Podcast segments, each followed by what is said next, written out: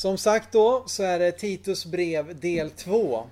Och eh, förra gången så hade vi en liten bakgrunds... Eh, eh, ja, del kan man säga där eh, Martin pratar mycket om bakgrunden till brevet. Kommer att ha en liten kort sammanfattning här alldeles strax. Eh, och sedan då gick igenom kapitel nummer 1. Och eh, innan det så tänkte jag bara säga någonting kort om det som eh, man brukar eh, beskriva som pastoralbreven. Att eh, de här breven som vi har då i eh, eh, Titus och även två stycken till brev nämligen första och andra Timoteusbrevet brukar benämnas som pastoralbreven. Och varför gör de det? Jo, därför att de här tre är då de enda breven som Paulus har skrivit som inte är till en hel församling eller till en hel region utan som riktar sig till hans specifika eh, liksom medarbetare. Eh, där han då ger mycket eh, tips och idéer om hur de ska arbeta och hur de ska Eh, ja, mycket kring församlingsledning och så vidare. Och eh, Timoteus då, han blir ju skickad till Efesos eh, där han hade en, fanns en etablerad församling. Paulus var ju själv där, jag tror i två års tid var han i Efesos och undervisade och etablerade församlingar och byggde upp det. Timoteus kom dit kanske 10-15 år senare för att bygga vidare på det som Paulus har gjort. Eh, Titus då blev ju sänd till Kreta eh, där detta brevet utspelar sig. Eh, där han då skulle vara för att styra upp de, dels de nystartade församlingarna och även de lite äldre församlingar som kanske härstammar ända tillbaka till pingstdagen då anden föll i Jerusalem. Och Paulus som sagt då, han kan låta lite annorlunda i de här breven från hans andra brev. Och Eh, Eh, det har gjort att eh, författarskapet i de här eh, breven har blivit lite omstridet. Att man menar att det här kan inte vara Paulus som har skrivit de här breven. Det finns ju, vet ni, det finns sådana här teologer och tyckare och så vidare som ägnar sig åt att sitta och plocka isär liksom böcker och brev och texter i molekyler liksom för att och diskutera alla möjliga alternativ. Och eh, bland annat då så, så är det så att som sagt dessa brev skiljer sig från de andra och det kan vara ganska viktigt att komma ihåg det. Eh, ordvalen, den språkliga stilen eh, och vissa villoläror som Paulus då eh, tilltalar eller tillrättavisar i de här breven eh, menar de tyder på att det är väldigt skilt ifrån Paulus och därför tror man, eller hävdar vissa, att det kanske liksom är någon som har skrivit och kallat sig för Paulus och utgett sig för att vara honom. Um, mer än en tredjedel utav orden, alltså grundorden i de här breven, uh, finns inte med i något, uh, används inte i något av Paulus tio övriga brev. Uh, men med det sagt så är de här invändningarna långt ifrån obestridda. Alltså det här är inte Eh, liksom den, den långtgående traditionen är ju att det är Paulus som har skrivit och eh, jag ville bara berätta detta för att det, jag tycker det kan vara intressant att veta. Um, och eh, det kan ju finnas många enkla förklaringar till detta. Som jag sa, en tredjedel av orden används inte i Paulus övriga brev. Ehm, eh, och en förklaring till detta kan ju vara så pass enkel att Paulus kanske används av en annan skrivare. På den här tiden hade man ju ofta en skrivare som tecknade ner efter att man eh, talade. Eller rent av att Paulus skrev själv med sin egen penna. Ehm, Eftersom att han skrev det mer personligt så kan ju det mycket väl ha varit så. Det finns också mycket likheter i liksom det språkliga och ordanvändning och så vidare till Lukas-skrifterna, alltså Lukas evangelium och även apostlärningarna. Vilket du kan tyda på att Lukas var vid Paulus sida då han skrev de här breven. Kanske var Lukas som var skrivaren och därför då eh, var med och påverkade just de här ordvalen. Ehm, och eh, eh, Lukas var ju en av Paulus närmaste medarbetare som ju följde med honom till och med under hans resa till Rom, sin fängelseresa, så var Lukas där och berättade i första person om, om när skeppet förliste där utanför Cypern och så vidare.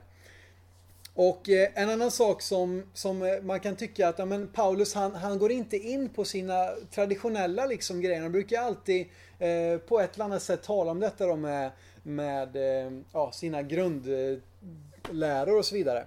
Men eftersom att både Timoteus och Titus var liksom några av Paulus närmaste medarbetare så var ju de redan införstådda med Paulus lära. De kände ju till det som han liksom lärde ehm, Paulus hänvisar gång på gång i brevet till Titus att han ska hålla sig till den sunda läran. Alltså det som Paulus redan har lärt honom. Så därför behöver inte Paulus gå in på djupet liksom, och, förklara grundläggande sina eh, doktriner och läror. Då. Och inte minst så är ju dess eh, många personliga referenser eh, ett starkt bevis för att det faktiskt är Paulus som skriver. Han skriver till Timoteus att, att drick lite vin för din eh, dåliga mage och så vidare som ett medicinskt tips då. Och han, han skriver att Timoteus ska ta med hans glömda mantel, han ska ta med sig hans böcker och pergamentrullar när han kommer till honom och så vidare. Och skulle det då ha varit någon annan än Paulus som skrivit det så känns det ju väldigt fånigt att han skulle stoppat in de här liksom högst personliga grejerna som nästan känns lite larviga i, i sammanhanget då va. Liksom att drick lite vin för din mage och ta med min mantel och sådana där grejer va. Det är sånt man skriver på, på köksbordet innan man går hemifrån liksom. Att köp med dig mjölk hem. Det var lite den nivån på det. Men det sagt i alla fall om pastoralbreven. Det kan vara kul att ha med sig den förståelsen när man läser de här breven att de faktiskt skiljer sig lite från andra brev. Så, till en liten kort sammanfattning då. Um, Titus då har blivit lämnad kvar på Kreta utav Paulus uh, för att insätta uh, ledarskap, insätta äldste i varje stad. Det fanns uh, församlingar i varje stad på Kreta. Det står om det att han skulle insätta äldste i varje stad. Så att detta måste ju dels ha varit mycket frukten utav Paulus arbete men säkert också som jag sa tidigare Eh, judekristna då som var med och upplevde pingstdagen då anden föll i Jerusalem och tog med sig det tillbaka till sin ö. Titus då är Paulus nära, nära medarbetare. Han beskriver honom som sitt äkta barn i tron. Alltså var Titus säkert eh, till och med blivit frälst genom Paulus eh, undervisning. Och anledningen till brevet är först och främst egentligen att de hade problem med vissa villolärare.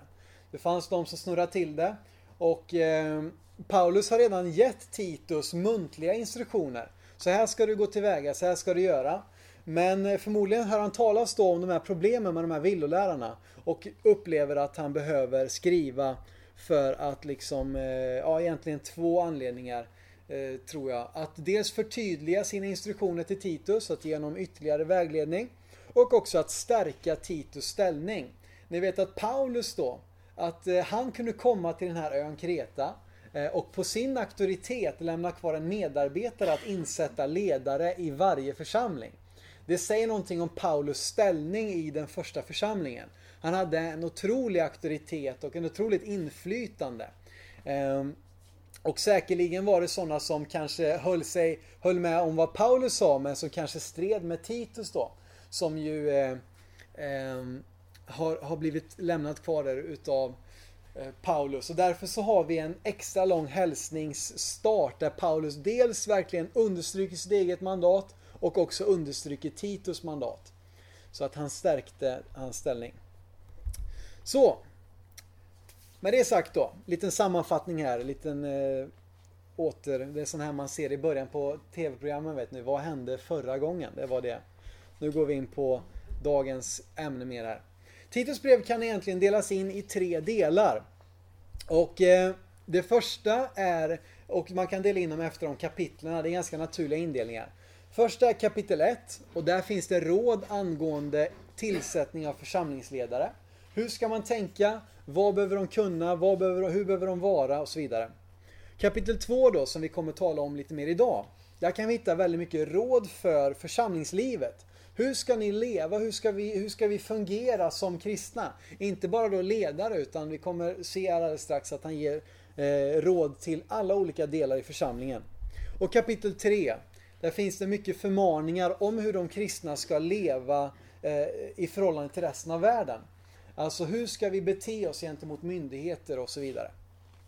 Så nu då ska vi gå in på, eh, ja, och den röda tråden är att vi ska ha en sund lära som svar på den här osunda läran som de här villolärarna eh, eh, ja, de strular till det helt enkelt genom att krångla till det med olika eh, debatter och grejer. Så att som ett svar på det så återkommer Paulus hela tiden håll dig till den sunda läran och om och om igen. Så där har ni fått en kort liten överblick över själva brevets eh, innehåll kan man säga. Och nu är det dags för del två här råd för församlingslivet. Och då ska vi gå in och läsa ifrån kapitel 2. Och vi börjar med att läsa vers 1. Um, ehm, och uh, bara för att stryka under det som jag sa alldeles nyss om sunda läran.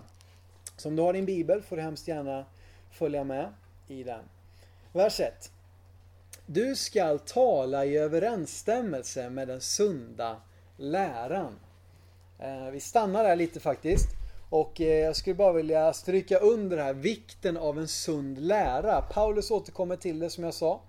Han säger att tala enligt den sunda läran, alltså Paulus undervisning, det som han redan har fastlagt. Eh, Paulus talar om det i Galaterbrevet 1 att, att ingen ska komma och förkunna ett annat evangelium än det som vi har lagt fram. Eh, han var ganska trygg i sin, i sin roll, han var ganska säker på sin kallelse Paulus. Att han faktiskt hade fått en uppenbarelse direkt ifrån Herren själv. Och därför så vågar han ta de här orden i sin mun. Och det här återkommer då på flera ställen i, ni har en del referenser där som ni gärna kan hänga med. Jag tänkte vi ska läsa de här verserna så ni bara ser den här röda tråden som jag nämnde förut. I kapitel 1, vers 9 står det så här. Han ska hålla sig till lärans tillförlitliga ord så att han genom en sund undervisning kan uppmuntra andra och vederlägga motståndarna. Vers 13. Det omdömet är sant. Tillrättavisa dem därför strängt så att de blir sunda i tron. Eh, kapitel 2 och 1 då, som vi precis läste. Du ska tala i överensstämmelse med den sunda läran. Vers 7 och 8 i samma kapitel. Var själv ett föredöme i goda gärningar. Ge i din undervisning prov på oförfalskad sanning och värdighet. Var sund och oklanderlig i ditt tal. Vers 15. Eh, så ska du tala, förmana och tillrättavisa med allt eftertryck. Eh, det står inte just om sund men det, det understryker det som han precis har gått igenom. Eh, och vi kan även bara läsa där i vers, kapitel 3 och vers 8. Detta är ett ord att lita på och jag vill att du med kraft inskärper det så, så att det som tror på Gud vinnlägger sig om att göra goda gärningar. Sådant är gott och nyttigt för människorna. Vi ska stanna där och eh, bara säga det jag sa förut också. Det kanske låter som en självklarhet men, men jag tror att, att osund undervisning hur kan vi besvara den när vi upplever att, att man undervisar någonting som är fel, någonting som är eh, inkorrekt? Besvarar man den med att bara liksom säga det där är fel, det där är fel, det där är fel? Nej, man besvarar den med en sund undervisning. Att säga man måste ge ett alternativ. Och det kan vi vara ganska dåliga på i kyrkan tror jag. Vi är ofta sådär ute och kanske säger till folk att Nej, men det där är fel, där tänker du fel, så där ska du inte göra. Utan att tala om varför. Men vad är då egentligen det, det vi ska göra? Vad är det då som är sunt? Hur ska jag leva? Eh, och därför tror jag att vi har varit dåliga på att svara på de här frågorna. Tror jag har varit en med, liksom en, en orsak till att så många människor som har vuxit upp i kyrkan och även andra såklart har valt att lämna. Därför att när de har kommit med sina frågor, när de har kommit med ifrågasättande och sagt att men varför är det så här? Varför kan jag inte leva så här? Så har vi många gånger bara stått där med pekfingret och sagt nej men du ska inte göra så, det är fel. Utan att visa på en annan väg. Och därför tror jag också att det är viktigt att poängtera det. Att Paulus faktiskt då ger svar på tal i det här brevet. Men hur ska vi då leva? Jo, så här. Därför att.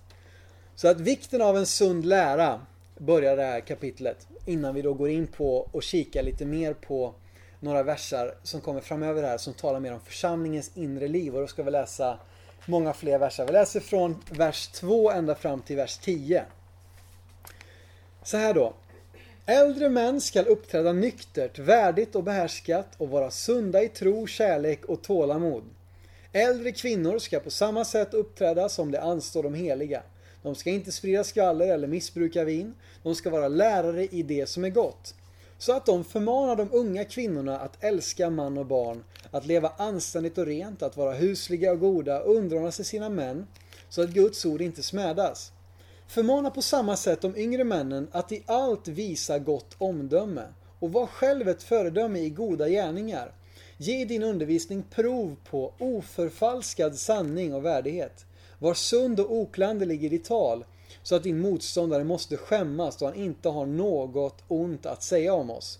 förmana slavarna att underordna sig sina herrar i allt, att helhjärtat tjäna dem och inte säga emot, att inte smussla undan något utan alltid visa sann trohet, så att de i allt är en prydnad för Guds, vår frälsares lära. Här kom det en rad instruktioner för hur olika grupper i församlingen ska leva. Och kapitel 1 talar det ju specifikt till församlingsledarna men här så går den in och talar till alla olika delar i församlingen. Och det är ganska intressant detta att nästan varje församling ser ut så här. Nästan varje församling har både äldre kvinnor och män, de har yngre kvinnor och män eh, och det finns ju en stor spännvidd. Eh, och därav också så uppstår det ju lätt lite stridigheter va. Att man tycker att alla ska vara så här eller vi ska göra så här och och därför då så talar Paulus här på en, en undervisning som säger att ja men så här kan du få dessa att hålla ihop. Och då ska vi kika lite på vad han säger då till de här olika grupperna. Först då i, i vers 2 så talar eh, Paulus till de äldre männen. Kanske att någon här känner sig träffad som en äldre man. Eh, hur ska de då bete sig? Hur de ska uppträda nyktert, värdigt och behärskat och vara sunda i tro, kärlek och tålamod. Och eh, ja, återigen då, sunda i tro. Där har vi det igen. Eh, och att, att uppträda behärskat, att vara nykter, att uppträda nyktert, värdigt, ha kärlek och tålamod. Eh, ibland kanske man blir lite gnällig på gamla dagar. Jag vet en del som blir det. Eh, men tvärtom här så, så talar han om att, att vi ska fortsätta uppträda nyktert, värdigt. Att vara föredöme, vara behärskade. Eh, och visa kärlek, tro och tålamod. Det är väl underbara uppmaningar att få agera på det sättet. Han går vidare då sedan till de äldre kvinnorna. Kanske finns någon som känner sig träffad där också. Jag är inte minst min svärmor. Jag vet inte om jag vågar kalla min svärmor för en äldre kvinna men jag tror att hon platsar där faktiskt. Ehm, och hur ska då dessa bete sig? Ja, vi får ta, vi får ta det senare i samtalsdelen här kanske. Eh, hur ska de äldre kvinnorna bete sig? Jo, de talar om att de ska på samma sätt uppträda som det anstår de heliga. Känner du det? Att du är en av de heliga. Det är väl härligt? Du ska uppträda som en sådan. De ska inte sprida skvaller eller missbruka vin. De ska vara lärare i det som är gott. Likadant här då så så, så talar ju, eh, verkar det som att Paulus menar att, att lika på samma sätt ska de uppträda. Eh, och det här är ganska intressant att man ska inte sprida skvaller. Jag vet inte om ni känner några kvinnor som sprider skvaller.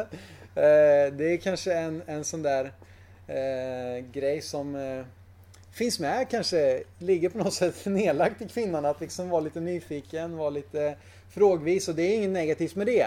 Men håll er borta då från skvaller liksom. Där man smusslar liksom och snackar bakom ryggen och, och går och försöker hitta liksom eh, eh, smaskiga nyheter och så vidare.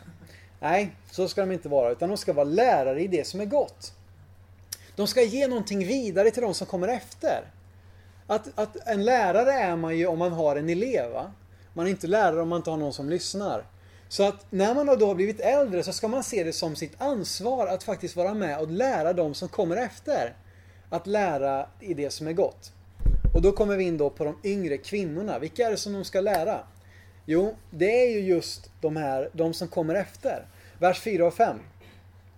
Ja, vi kan läsa sista delen här i vers 3 också. Att de ska vara lärare i det som är gott, så att de förmanar de unga kvinnorna att älska man och barn, att leva anständigt och rent, att vara husliga och goda, underordna sig sina män så att Guds ord inte smädas. Eh, här kommer ju en del grejer som, eh, som liksom, det, det, det, här finns ju nedlagt i oss att, att den äldre generationen lär upp den yngre generationen hur man liksom, eh, hur man uppfostrar barn, hur man eh, Eh, sköter om ett hem, hur man visar liksom eh, gästfrihet och så vidare. Så att därför ska man liksom vinnlägga sig om att faktiskt få vara ett exempel för de som kommer efter. Att få liksom undervisa med sitt eget liv. Alla kanske, eller långt ifrån alla, eh, ska kanske stå så här liksom och känna sig trygga med att stå inför människor och undervisa. Men vi kan undervisa med vårt eget liv, med vårt eget exempel.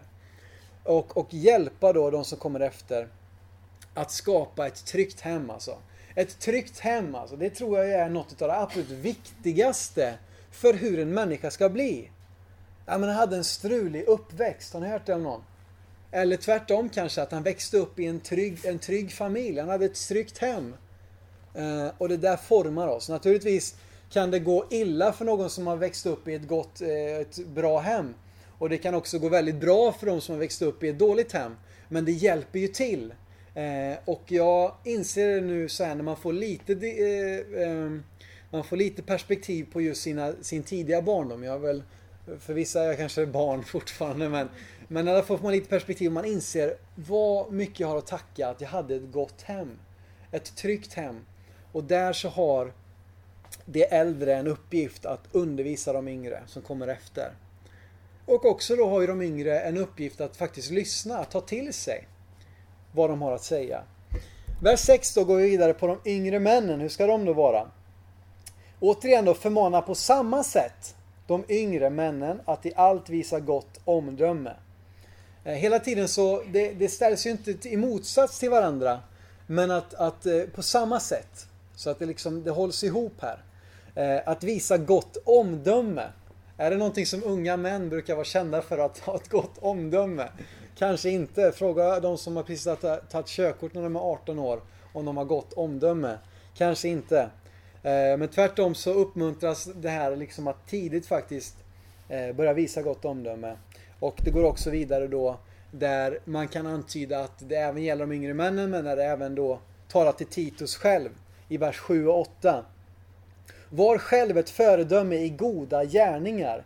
Ge din undervisning prov på oförfalskad sanning och värdighet. Var sund och oklanderlig i ditt tal så att din motståndare måste skämmas då han inte har något ont att säga om oss.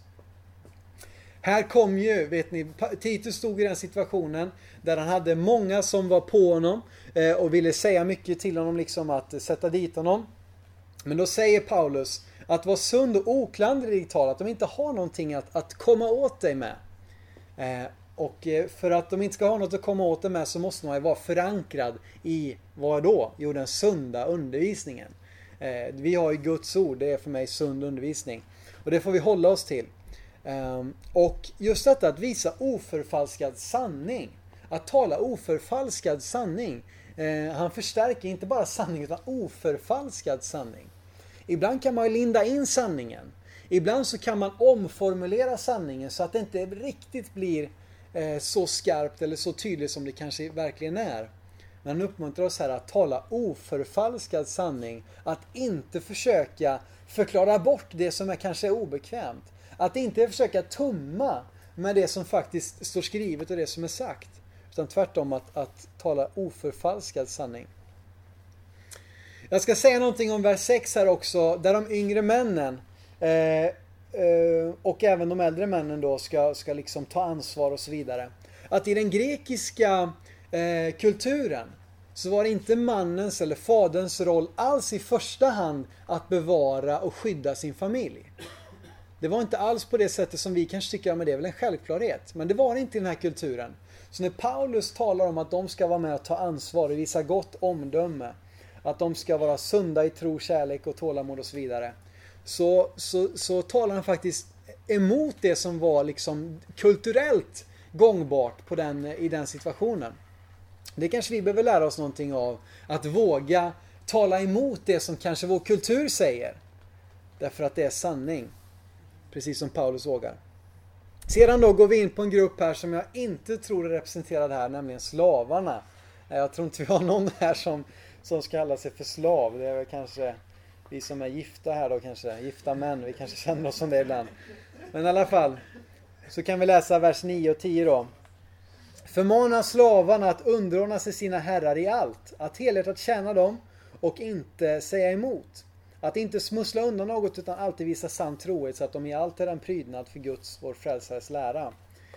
Inte i något av Paulus eh, brev så fördömer han slaveri. Eh, och det där vet jag att en del har kritiserat honom för. Men tvärtom så, så uppmuntrar han både de som är herrar och de som är slavar att liksom visa eh, kärlek och respekt gentemot varandra. Att liksom ta ansvar för varandra. Att herrarna ska vara goda mot sina slavar då, det är en lite annorlunda kultur och likadant slavarna goda mot sina herrar. Och för att omsätta detta till våran tid så kan man nog egentligen sätta in detta i vilken arbetsplats som helst. Att på ett sätt eh, så skulle vi kunna ha liksom liknande position till de som är våra arbetsgivare, våra chefer, våra ledare.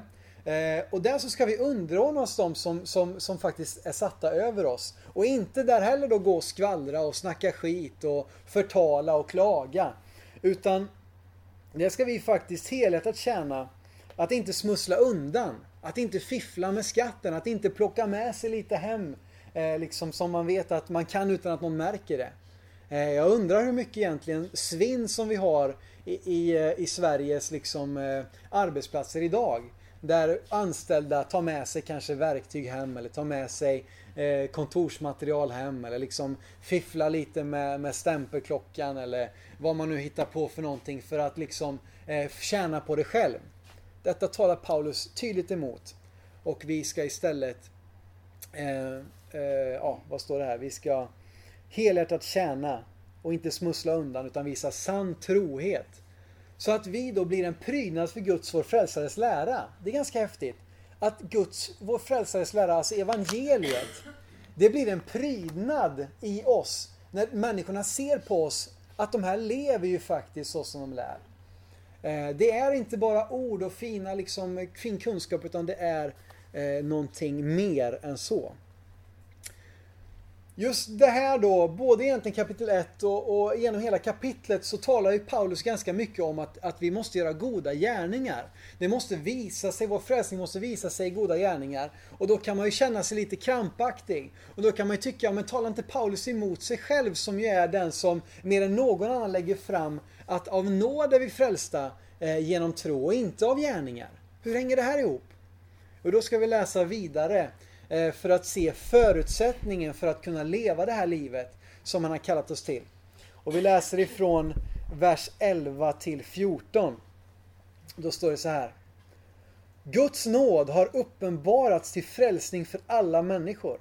Den fostrar oss att säga nej till ogudaktighet och världsliga begär och att leva anständigt, rättfärdigt och gudfruktigt i den tid som nu är. Medan vi väntar på det saliga hoppet att vår store Gud och frälsare Jesus Kristus ska träda fram i härlighet.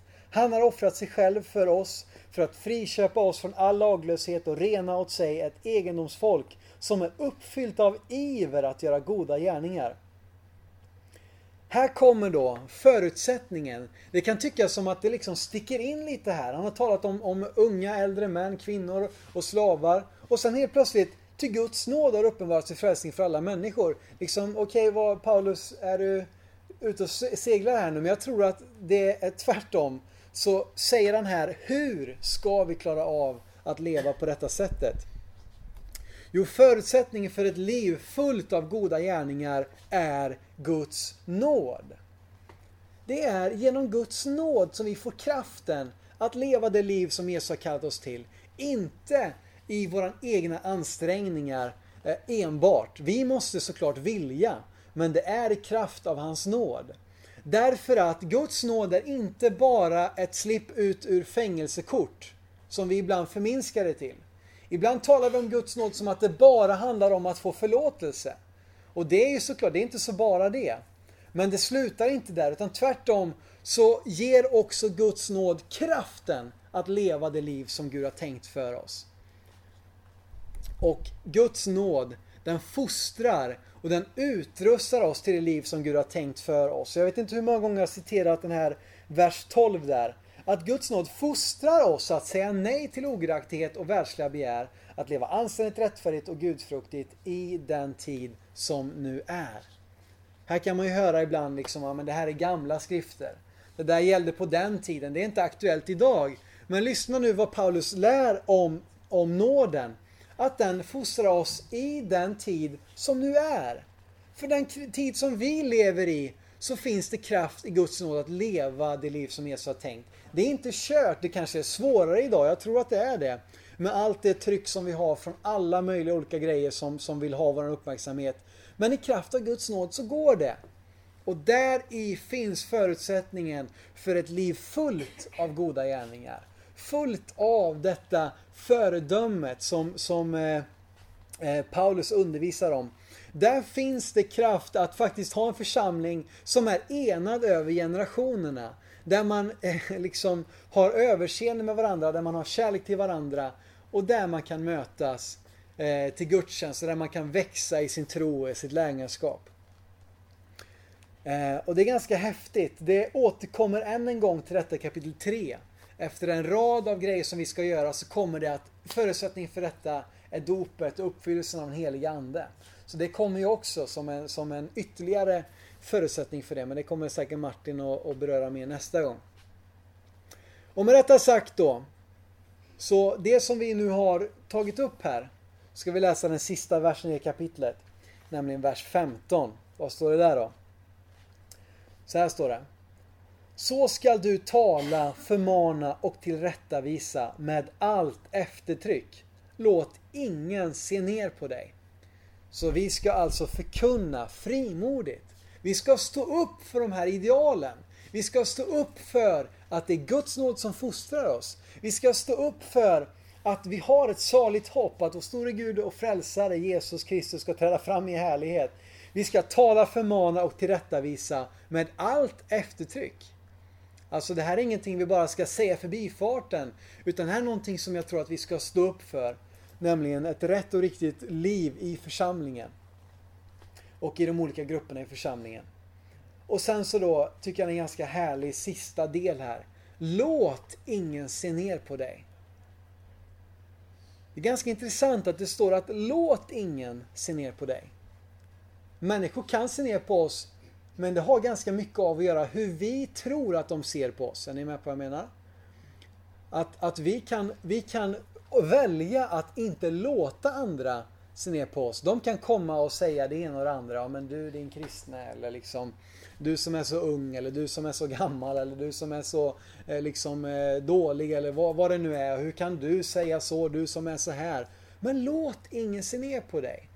Därför att Guds nåd har uppenbarat sig frälsning också för dig. Och det är, där, det är där du har din trygghet. Och när du har din trygghet i Guds nåd och det som han har gjort för dig och mig och i det hopp som väntar. Då kan vi också vara trygga i att inte låta andra människor se ner på oss i de uppgifterna som vi har. Det här skulle jag önska att så många fler fick tag på och sträckte på sig. Därför att när jag talar med människor i vår församling i olika åldersgrupper, från olika nationer, ifrån olika bakgrunder, i olika åldrar eh, och så vidare. Så är det så många som ser ner på sig själva och som kanske därmed också tror att andra ser ner på dem. Men där tror jag att vi behöver sträcka på oss och bli trygga i det som, de som vi är i Kristus. Yes. Så det sagt om då försam det inre livet i församlingen. Här har vi ganska mycket att tugga på. Jag tänkte vi ska ta en god